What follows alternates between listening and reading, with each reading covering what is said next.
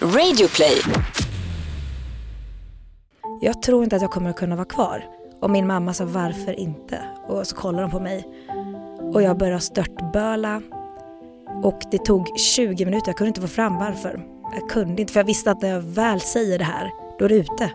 Då liksom, jag kan inte ta tillbaka det då. Så min mamma började ge mig påstående. Har du träffat en kille som inte är ett Jehovas vittne? Eh, tar du droger? Alltså hon räknar upp massa grejer. Jag bara nej. Och så säger hon till slut, tycker du om tjejer? Och jag säger, ja, jag tror det.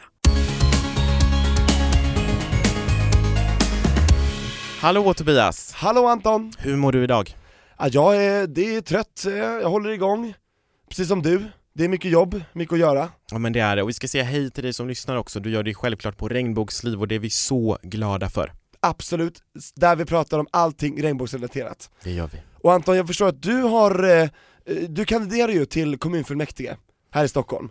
Ja men Så du har precis. stått i valstugor och pratat och verkligen engagerat dig hela veckan. Ja men precis, det är ju väldigt, väldigt mycket nu. Det är valrörelse, det är utspel som görs, det är eh, samtal med väljare, det, det är väldigt, väldigt mycket och det är väldigt kul men jag är lite mosig i huvudet, det ska jag verkligen erkänna men jag känner också så här att det här valet i år är så otroligt, otroligt viktigt för det känns verkligen som att vi får inte låta de extrema vindarna som blåser i Europa och i Sverige vinna. Du vet ju vad som hände förra veckan till exempel när nazisterna demonstrerade på eh, Kungsholmen. Där jag bor och förpestade hela tillvaron för, för mig och alla oss som var där. Det var bara kaos alltså. Mm. Jag kan inte förstå att vi kan tillåta nazister marschera på våra gator i Sverige Nej. 2018. Det är helt, helt galet och där tappar jag Exakt, min mobil. Anton tappar till och med telefonen alltså, det, vi tappar allt nästan. Ja men verkligen. Har du varit med om någon incident själv när du har stått i valstugorna? Någon extrem Ja, alltså det finns ju eh, en hel del sånt tyvärr och det är mycket sånt som, som får ta utrymme. Det är eh, bland annat en organisation, jag vill inte ens nämna några vid namn, som delar ut sådana här flygblad om att det, där det står dags att åka hem som de delar ut till personer som de menar på inte hör hemma i Sverige Ursäkta. helt enkelt. Ja, nej men precis och det, jag är faktiskt riktigt, riktigt oroad över över liksom all, allt det här, över extremismen som, som vi tillåter eh, ske och det, du ser ju, vi ser ju bara vad som hände i Almedalen, Mm. RFSL Ungdom kunde inte svara där, det har vi pratat om För tidigare. NMR var där och du skrämde bort dem helt enkelt. Ja men precis, eh, och det Usch. är, eh, det är ju liksom vi, det är vi minoriteter som, eh, som Drabbas eh, drabbas hårt. hårdast. Eh, så Så nästa söndag, du som kan, rösta. Bara du röstar på någonting, använd din rätt, jag känner verkligen det. Det här är ju verkligen så otroligt viktigt och att rösta är ju inte bara en rättighet, jag tycker också att det är en skyldighet. Håller med. Gör valkompasser, gå in på någon tidning, gå in på SVT, gå in på någon eh, Barometer, att- barometer och gör ett test och se vart du eh, hör hemma i, p- politiskt om du inte har gjort det. Exakt, jag tycker att det här är det viktigaste valet under min livstid, absolut alltså, hittills. Rösta, rösta, rösta, det är budskapet från oss till dig. Men det ska inte dagens podd handla om. Nej, exakt, vem har vi med oss den här veckan Anton? Ja men idag så har vi med oss Miranda och vi kommer ju prata om religion och om tro och om att lämna. Och Miranda var ett Jehovas vittne fram till för fem år sedan då hon valde att lämna rörelsen. Och vi kommer prata om det och om att inte ha kontakt med sina föräldrar eller någon annan som tillhörde rörelsen efter beslutet då. Ja, Jag tycker att vi går rakt på sak och till dagens ämne och eh, välkomnar Miranda in i studion. Vad säger du? Absolut, välkommen in Mirre!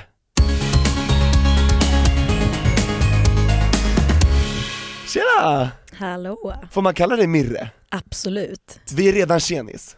Ja, det är klart vi är. Vi träffades på Pride ju. Det Hur gjorde ni? vi. Hur var din Europride i Stockholm? Jag hade en underbar Pride, som min, alla mina tidigare Pride. Vad var det som var underbart? Kärlek Kärlek. för alla. Hur många Pride-festivaler har du deltagit i? För det var ju fem år sedan du lämnade Fyra. Ja det är fyra då. Mm. Så det var varenda Pride sen du lämnade Jehovas vittnen? Ja, det är det mest heliga för mig nu. Åh, Just du det. har bytt liksom helighet så att säga. Ja. Ja, för vi ska ju säga att eh, eh, vi träffades ju vid eh, vårat tält där och eh, introducerades av en gemensam vän då. Då började vi prata om det här och att, En tidigare gäst i ja, Regnbågsliv. men precis, Maria Östling. Ja. Eh, så började vi prata om då att det här borde vi lyfta i podden. Var det en Exakt. självklarhet för dig att vilja göra det? Eh, nu i mitt liv så är det en självklarhet. Inte kanske i, i början av mina uteslutna år då. Just det. Mm. Just. Och vi kommer ju eh, prata om eh, och fördjupa oss i liksom hela resan för dig i, i Jehovas vittnen och, och eh, om eh, ditt beslut också om att lämna den rörelsen och om eh, eh, saker då runt omkring det. Men innan vi gör det så tänkte jag att vi ska prata om eh, en annan resa. Om dig och om din sexualitet och hur, det, hur den resan har gått för dig att hitta dig själv. Det sexuella uppvaknandet. Det har ju absolut inte varit lätt eftersom att eh, min sexuella läggning som flata har ju inte fått existera i min barndom eller uppväxt. Eh, så det var väl egentligen vid typ 18 års ålder som jag verkligen förstod det. Men nu när jag ser tillbaka, jag har ju aldrig varit kär i en kille. Och jag har ju alltid typ tyckt om vänner eller skolkamrater eller kollat på någon tjej extra på det sättet. Så jag har ju bara förstått att jag har ju förträngt det något otroligt. Vad hände då när du var 18 som fick dig att övertyga dig själv om att ja, men det är så här det ligger till? För mina tankar om, eh, om tjejer blev bara, nu citattecken värre. Det blev bara mer och mer intensivt, det försvann inte. Det spelar ingen roll hur mycket jag bad eller hur mycket jag försökte tycka om någon kille. Det försvann inte. Jehovas vittnen tror ju på att Gud ser allt och även tankar. Ja. Så att man får ju ett väldigt dåligt samvete på grund av det. Just det. För den som inte vet, vad är Jehovas vittnen för någonting? Det finns, det, man kan ju ta en, flera timmar åt att berätta det men det flesta som eh, folk vet om med Jehovas vittnen är att de knackar dörr. Eh, man predikar för att man vill rädda alla människor på jorden. Eh, de Och få dem att bli vittnen också. Precis, precis. För man tror att eh, den här världen kommer att eh, gå under kan man väl säga med Harmageddon. Och sen blir det ett paradis och de som har följt Gud då, eller Jehova, som de tror att Gud heter, de får leva i det här paradiset för evigt. Just det. Det Sen låter ju så- väldigt härligt. Ja, det är ju jättenice om man får vara sig själv kanske. Ja, eller hur va? Eh, sen eh, så de firar inget som gemene man gör. Födelsedagar, ingen jul, ingen midsommar.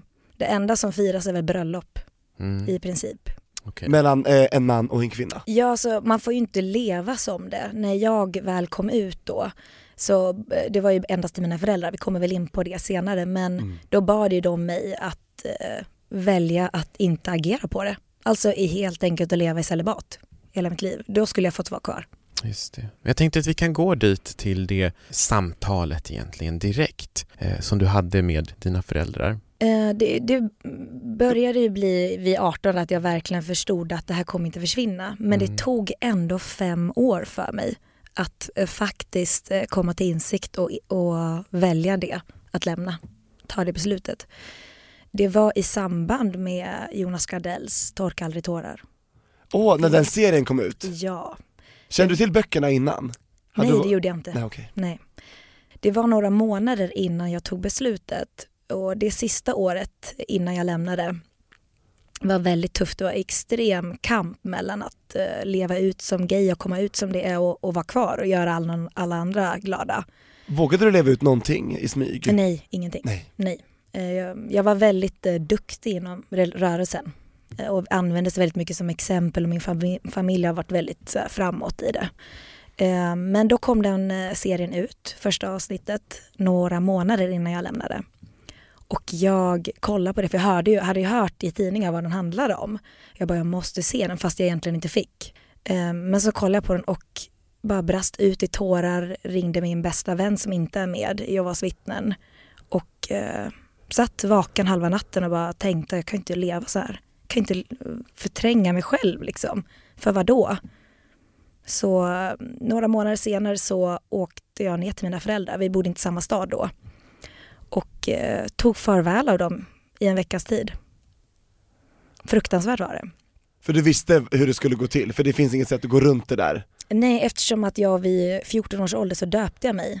Och då, är det liksom, då går det inte att ta tillbaka det. Då ger du ditt liv åt Gud. När du gör det. Dop i vatten. Och det enda sättet då att vara dig själv, det var då att bara klippa alla Ja. banden? Eller leva i celibat. Det var de, två valen jag hade. Och när du hade det här samtalet då med dina föräldrar, var det med båda föräldrarna Ja, samtidigt? japp. Hur inleddes det? Oj. Ja, eh, min mamma hon kände väl att någonting var fel. Och eh, hon hade liksom sagt det på telefon, jag känner att det är någonting, du går inte på mötena längre, för det gör de ju också. De går ju till Rikets sal, som vissa känner igen, flera Mm. gånger i veckan. Min mamma sa att eh, vi ska fixa en eh, församlingsfest, träffa alla vänner, du behöver liksom få lite andligt umgänge så. Och jag bara, mamma jag kommer inte gå på några fler möten. Och hon var ju helt såhär, va? Varför inte? Jag bara, det, det går inte, jag kan inte. Och då kom min pappa in.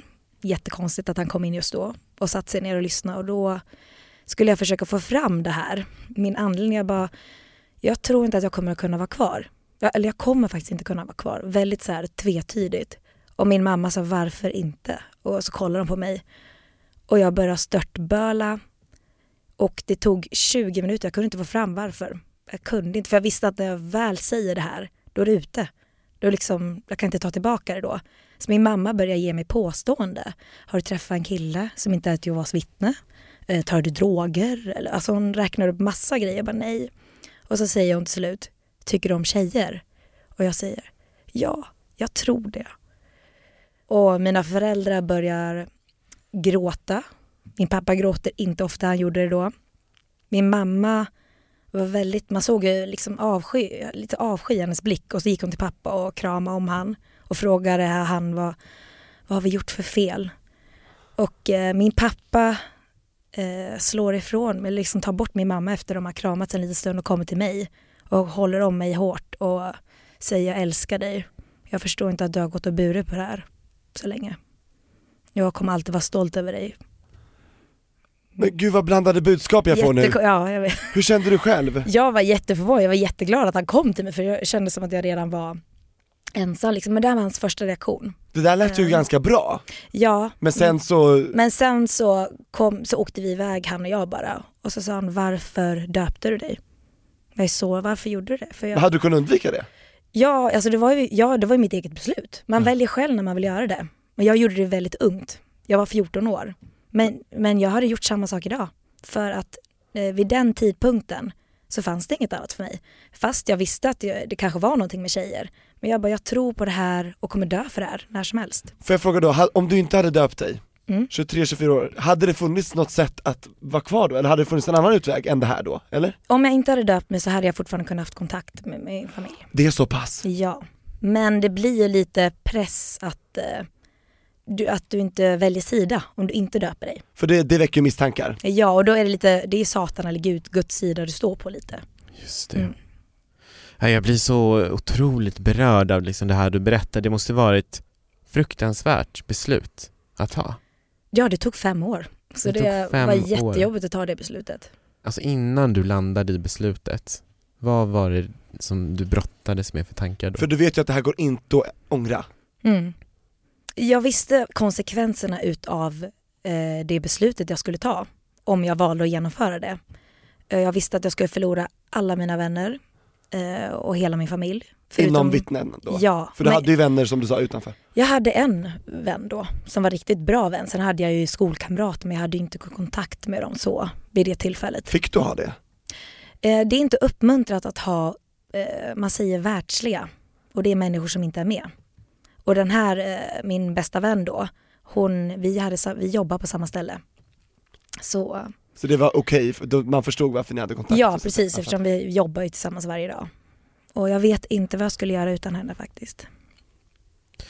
Den här första tiden efter att du hade tagit beslutet, för du sa att det var en vecka, du och dina Ja, föräldrar. precis. Jag var där på juldagen sa jag det. På liksom vid ledigheten där. Var det Sen- klart att ni skulle ha en vecka tillsammans då, eller hur? Ja, för jag visste ju att jag skulle lämna in mitt brev och säga upp att jag inte vill vara med i det här längre. Finns det några bestämmelser hur lång tid, eh, alltså när du lämnar det brevet, Då är det klart. då är det den, där Mm. och då. då. Vem lämnar man brevet till?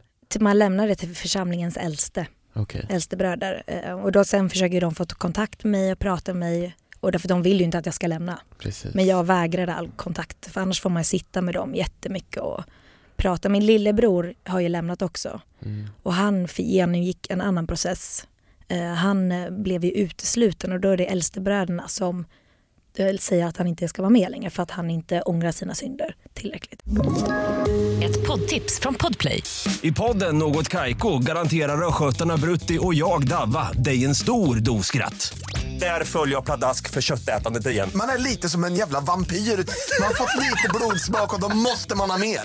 Udda spaningar, fängslande anekdoter och en och annan arg rant. Jag måste ha mitt kaffe på morgonen för annars är jag ingen trevlig människa. Då är du ingen trevlig människa, punkt. Något Kaiko, hör du på Podplay. Därför är gardinerna. Jag har en, eh, en eh, vän som, eh, inte vän men bekant ska jag säga, som har lämnat eh, Jehovas vittnen också och eh, när hon möter sina föräldrar på stan så kollar de inte på henne. Mm. Alltså de hälsar inte. Nej det är för att deras barn är ju, de ser det som att den har dött. Ja, äm, Är du äh, död för dem eller har du aldrig funnits? Eller hur? Nej jag är död för dem skulle jag säga. ja. Mm. Så att de sörjer en dotter? Ja, och anledningen till att Jehovas vittnen agerar på det här sättet med uteslutna, att de inte liksom hejar eller pratar med dem, är för att i Bibeln då så är det ett sätt att få tillbaka någon. Att de ska, det är, jätte, ja, det är jätteskumt att de ska liksom sakna den här gemenskapen och, och inse att de egentligen borde vara, vara där. Men kan du ångra dig eller? Ja. Aha, och då är det bara såhär, åh allt är förlåtet, kom tillbaka? Nej, det tar, det, det tar tid för att du, de ska inse att du verkligen ångrar eh, dina synder. Du ska förtjäna att komma tillbaka? Ja, så man går på gör de här mötena i ungefär ett halvår utan att de pratar med dig, de ser inte dig. Ja. Och sen en dag så är du tillbaka. Har du träffat dina föräldrar efter att du Eller har lämnat? sett dem eller? Eh, vi bor ju väldigt långt ifrån varandra men mina föräldrar har eh, ringt till mig och hört bara hur jag mår. Får de göra det? Ehm, egentligen inte nej. Men de har ringt väldigt korta samtal. Mm. Mm. Vad betyder det för dig? Vad säger det dig att de gör det? Det, alltså jag har ju aldrig tvekat på, jag vet att mina föräldrar älskar mig. Det låter kanske konstigt men jag har var- haft en sån bra uppväxt på det sättet och aldrig tvivlat på det. Men jag vet att deras religion inte tillåter dem och jag vet hur stark tro kan vara eftersom jag själv gjorde det. Jag pratade inte med människor som hade lämnat när jag var troende. Så skyller du mer på religionen än på dina föräldrar för det här, för det här som har hänt? Nej, då skyller jag nog mer på mina föräldrar för att de är ändå vuxna människor. Mm.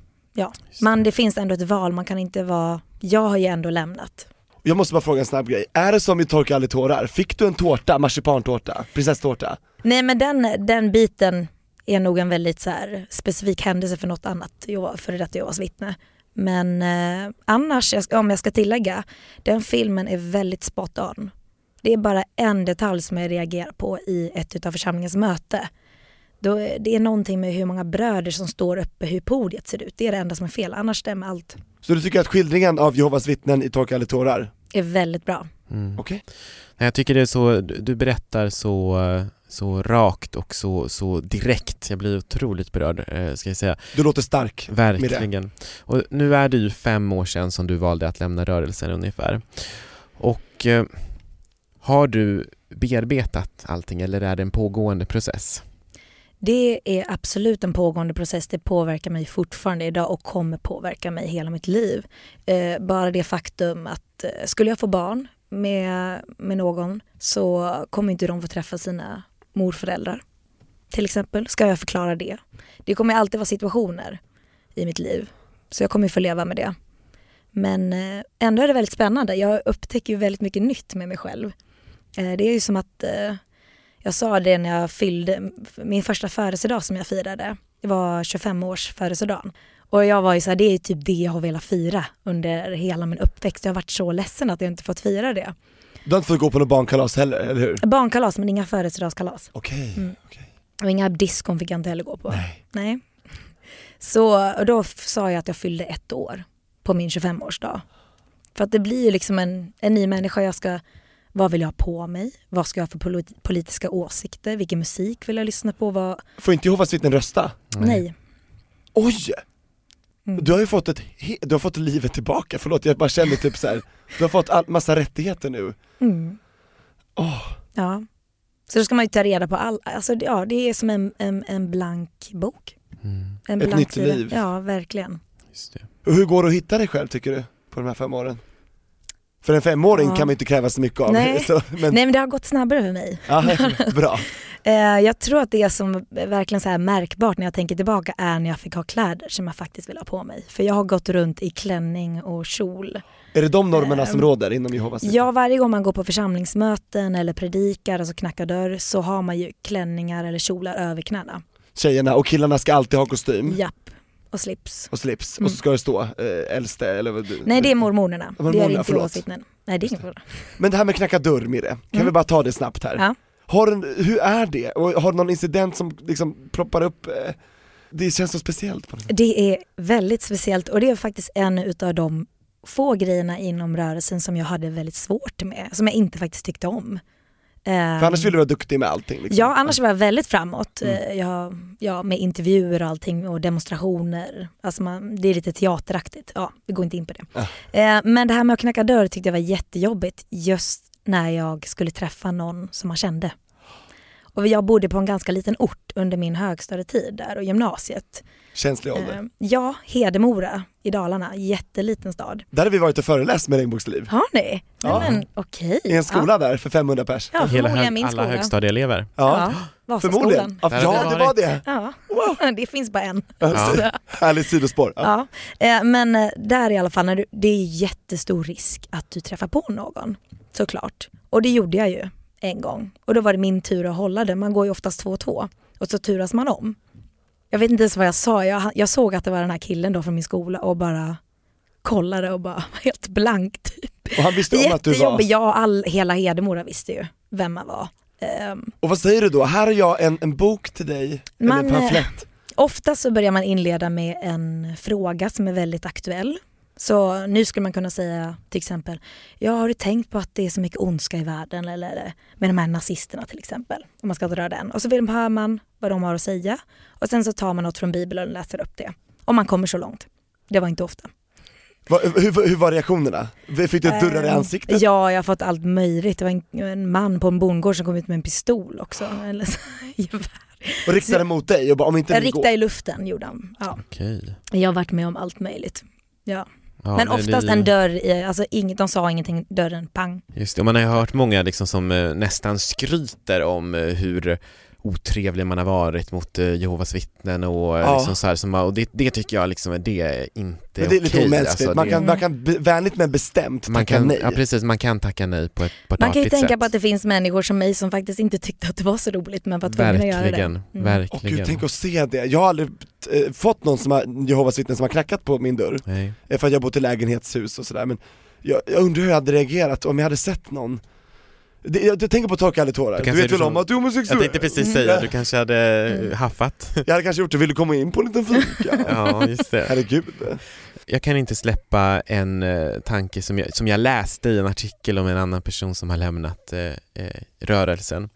Den personen sa i en intervju att den eh, fortfarande dels har liksom dåligt samvete över vissa grejer och ibland faller tillbaka i tankarna att så här, men nu läser eh, Gud eller eh, Jehova mina tankar eh, och eh, också att när det åskar så sa hon att hon tror fortfarande år efter att hon har lämnat rörelsen, nu kommer Harmageddon.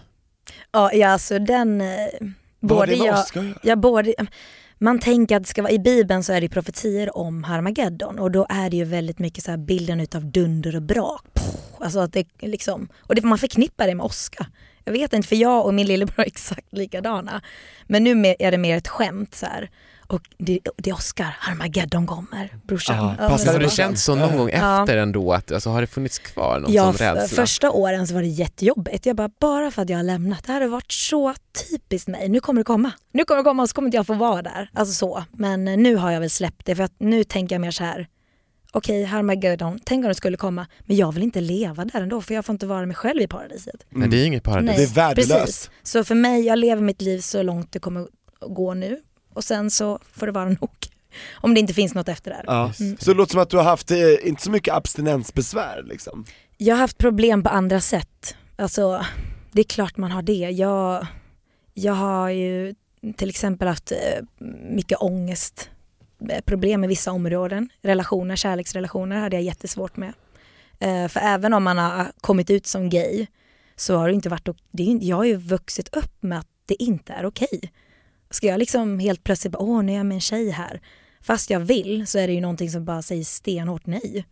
Första året var det jättejobbigt för mig. Ja, det får man inte underskatta, för jag har också vuxit upp under starkt religiöst jag ska inte säga förtryck, men det är det väl lite grann. Eh, och det, det tar ett tag att ändra mentaliteten, det gör det. Absolut. Det, absolut. blir en, det är en ovana Mm. som måste brytas alltså. Mm. Och bara det här med att eh, Jehovas vittnen är, är det förbjudet då att eh, ta del av någon som pratar emot det. Så att söka hjälp gjorde jag inte, alltså söka grupper eller, eller människor som har lämnat, det gör man inte i första taget heller. Det tog tid för mig för att det liksom var fel.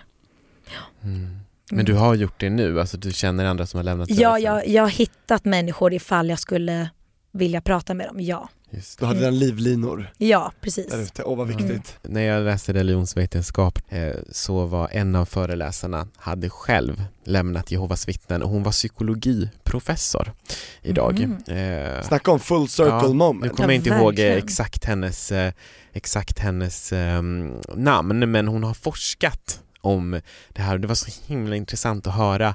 För hon har intervjuat väldigt många som också har lämnat, eh, lämnat rörelsen och om de psykologiska effekterna liksom och mycket sånt. Och, Hon känns ju trovärdig, ja, Doktor Jehovas, Mm. att, Ja, ja men precis. om man säger så. Ja.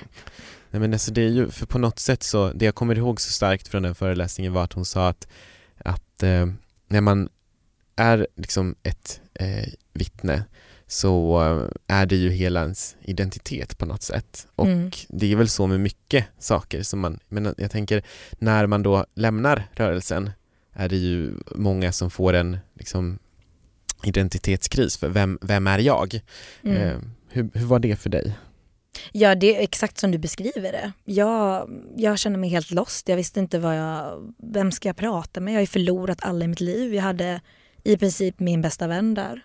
Ehm, man, liksom, man har inga åsikter. På, det låter konstigt men man, man har ju följt Bibeln då, som de går efter, i varenda grej och varenda val du ska göra. Så du lever ju 24-7 som ett Jehovas vittne. Du är alltid så här en representant för det. Och sen så bara tar de bort hela det.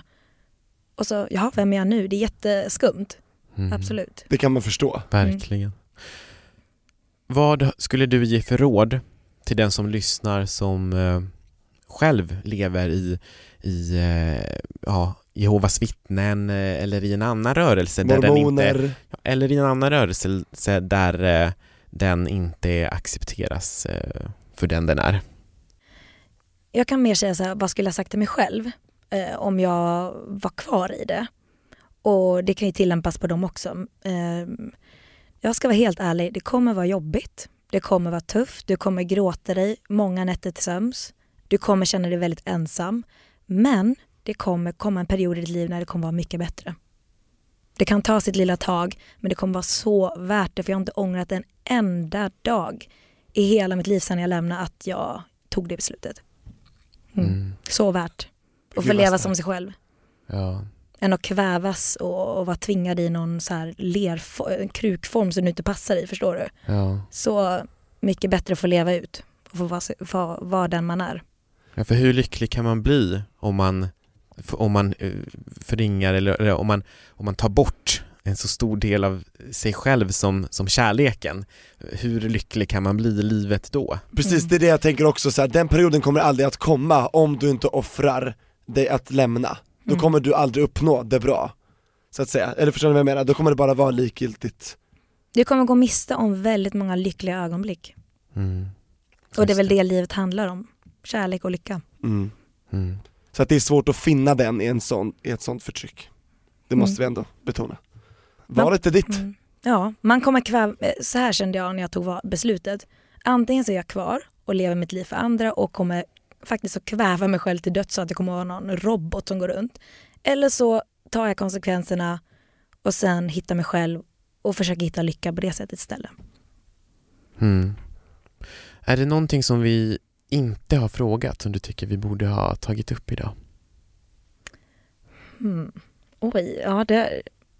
Inte vad jag kan komma på så här på rakt arm, det är så stort ämne. Så. Som du sa, man kan prata i timmar om det här. Mm, Ja. Verkligen, verkligen. Jag tänker om det är någon så här, om det är någon särskild händelse eller något råd eller någonting annat som vi kanske har Någon vanlig fördom eller missuppfattning kring Jehovas vittnen som du vill passa på att reda ut? om vi inte har gjort det tidigare nu. Har ni någon fördom om dem? Har vi det? Nej. Nej men jag tror du, har- du har förklarat Mm. mycket, det här med just de här kläderna undrar jag också mycket Mm. över. Med klänningar för tjejer och det, det känns väldigt old fashioned, Mm. väldigt amish på Mm. något sätt. Firar ingenting, hur Nej. är det med teknik? Får man ha en smartphone eller? Absolut, det är tillåtet. Det är ingen fara. All right. Ja. Och nu, du, du kanske blandar ihop med lästadianismen nu. Mm. Det är väldigt lätt, för vi har pratat om mycket i den här podden och det Ja. tycker jag är väldigt bra att vi tar upp olika perspektiv. Mm. Och just det här är ett unikt perspektiv. Verkligen. Det jag tror man kan, eh, om jag kan säga som, eh, jag tror att många tänker att eh, när familj eller vänner utesluter någon ur Jehovas vittnen, att de hatar dem, att de har något, tycker att de är hemska människor. Det tror jag inte att de gör. Jag, eh, på det sättet kan jag inte tala illa om dem. För även om mina föräldrar har valt att inte prata med mig så vet jag ju fortfarande att det finns kärlek där. Men sen har de ju uttryckt och sagt saker som inte, båda två, eh, som inte har varit okej. Men det är ju för att jag lite hjärntvättning faktiskt. Just det. Tänk att det kan gå så långt alltså. Verkligen. Och, ja, jag, jag är så otroligt glad att du eh, valde att komma till oss idag och dela med dig av din historia. Jag tror att det är Mm. otroligt viktigt, inte bara för de som lever som hbtq-personer inom Jehovas vittnen. Jag tror också det är viktigt inom, för många som kan identifiera sig i det du säger, som lever under andra typer av förtryck. Eh, det finns ju både religiösa och liksom icke-religiösa förtryck Och såklart. kulturella, alla möjliga Ja, förtryck. absolut. Mm. Jag tänker att vår tid börjar tyvärr ta slut för idag, eh, vilket är jättetråkigt. Jag hade kunnat sitta här i flera timmar. Samma här, prata. eftersnack är ni på? Ja men verkligen. Vad händer framöver? Eh, ja, jag har ju flyttat, flyttat till Stockholm nu Välkommen. eh, Ja. med min flickvän. Flyttat ihop. Gratulerar. Ja, första flickvännen. Ja, dubbel grattis. Lycka Ja. till alltså. Förmodligen den enda hoppas jag. Ja, vi hoppas Ja. hoppas såklart det. ja. Hoppas jag Helt underbar är hon. Ja. Eh, så vi ska flytta till en lägenhet i Abrahamsberg. Hey. Eh, annars är det jobbet och mina hobbys. Jag är tandhygienist. Just det. Åh, Ja. får man säga höll jag på säga, men eh, det är mycket flår, mycket, ja, mycket sånt. Ja. Och DJ och bartender på fritiden. Ja, wow vad, nice. Sådana där grejer jag fick ta igen som jag inte fick hålla på med innan. Ja, är det någonting mer som du ser fram emot att eh, uppleva? Oj, jag har ju tagit igen mycket på, kort, alltså på den tiden jag har, men ja. Jag tror att jag skulle vilja börja föreläsa. Mm. Ja, Det skulle vara en rolig grej. Det Absolut. tror jag du skulle vara fantastiskt bra på att göra. efter det här avsnittet med dig så känner vi bara så här, ut och kör. Ja, Ja, då gör jag det. Oh ja, hälsa från. Regnbågsliv. Regnbågslifen. Det här- Nej, men gör det. Jag kommer jättegärna på, på en av föreläsningarna i så fall. Så du lyssnar här, du kanske är lärare på en skola. Hör av dig eh, till eh, oss. Vart hittar man dig på sociala medier? Instagram är det Mirre07. Mirre07, då vet ni Mm. vart ni ska höra av var er det om då ni det gick ur Jehova? Nej det var inte. Det var 2012 ja. Ja, Så ja. Mirre 12 kanske? Nej, men ja, det är mitt datum jag föddes. 07. Ah. Mm. Just det. Den sjunde. Så det är inte James Bond-referens här. Nej. Ja, exakt, då hade det varit 007 eller Ja. Ja, det är DJ, det är flickvän, det är flytt och det är eh, jobblivet helt enkelt som fortsätter. Ja. Stort tack för att du kom eh, till Regnbågsliv idag Mirre. ja, men tack själva. Underbart alltså. Verkligen. Och tack till dig som har lyssnat. Vi hoppas att vi hörs igen nästa torsdag, eller hur Tobias? Ja, och du är varmt välkommen att kommentera, diskutera, komplementera eller vad man nu säger på våra sociala medier. Absolut. Regnbågsliv på Instagram och Facebook och där hittar man mer om Mirre också, om du eh, vill veta mer så att säga. Absolut. Och inte kan få nog, Och kom ihåg att rösta nu, gör det. måste jag säga igen. Vi hinner höras en gång till innan valet, det gör Gör vi vi. nästa torsdag. Mm. Tack och förlåt för allt. Tusen tack Mirre. Tack.